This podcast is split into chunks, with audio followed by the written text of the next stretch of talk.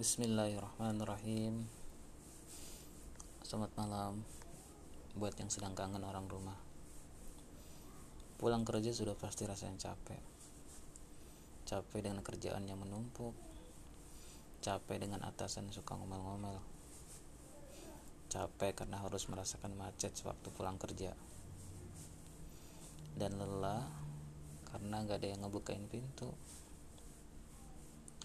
tinggal di kosan itu kalau nggak masak sendiri bungkus makanan terus dibawa pulang. Atau milih-milih menu GoFood sampai ketiduran.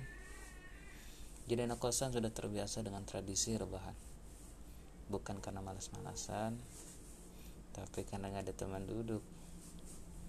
Kalau udah mager mau makan jadi lupa. Alasannya karena udah kemalaman malah jadi nggak makan tapi biasanya ada sisa cemilan yang bisa buat ganjalan perut. Tinggal minum yang banyak deh. Ini yang bikin malam-malam kebangun terus bingung karena nggak ada yang bisa dimakan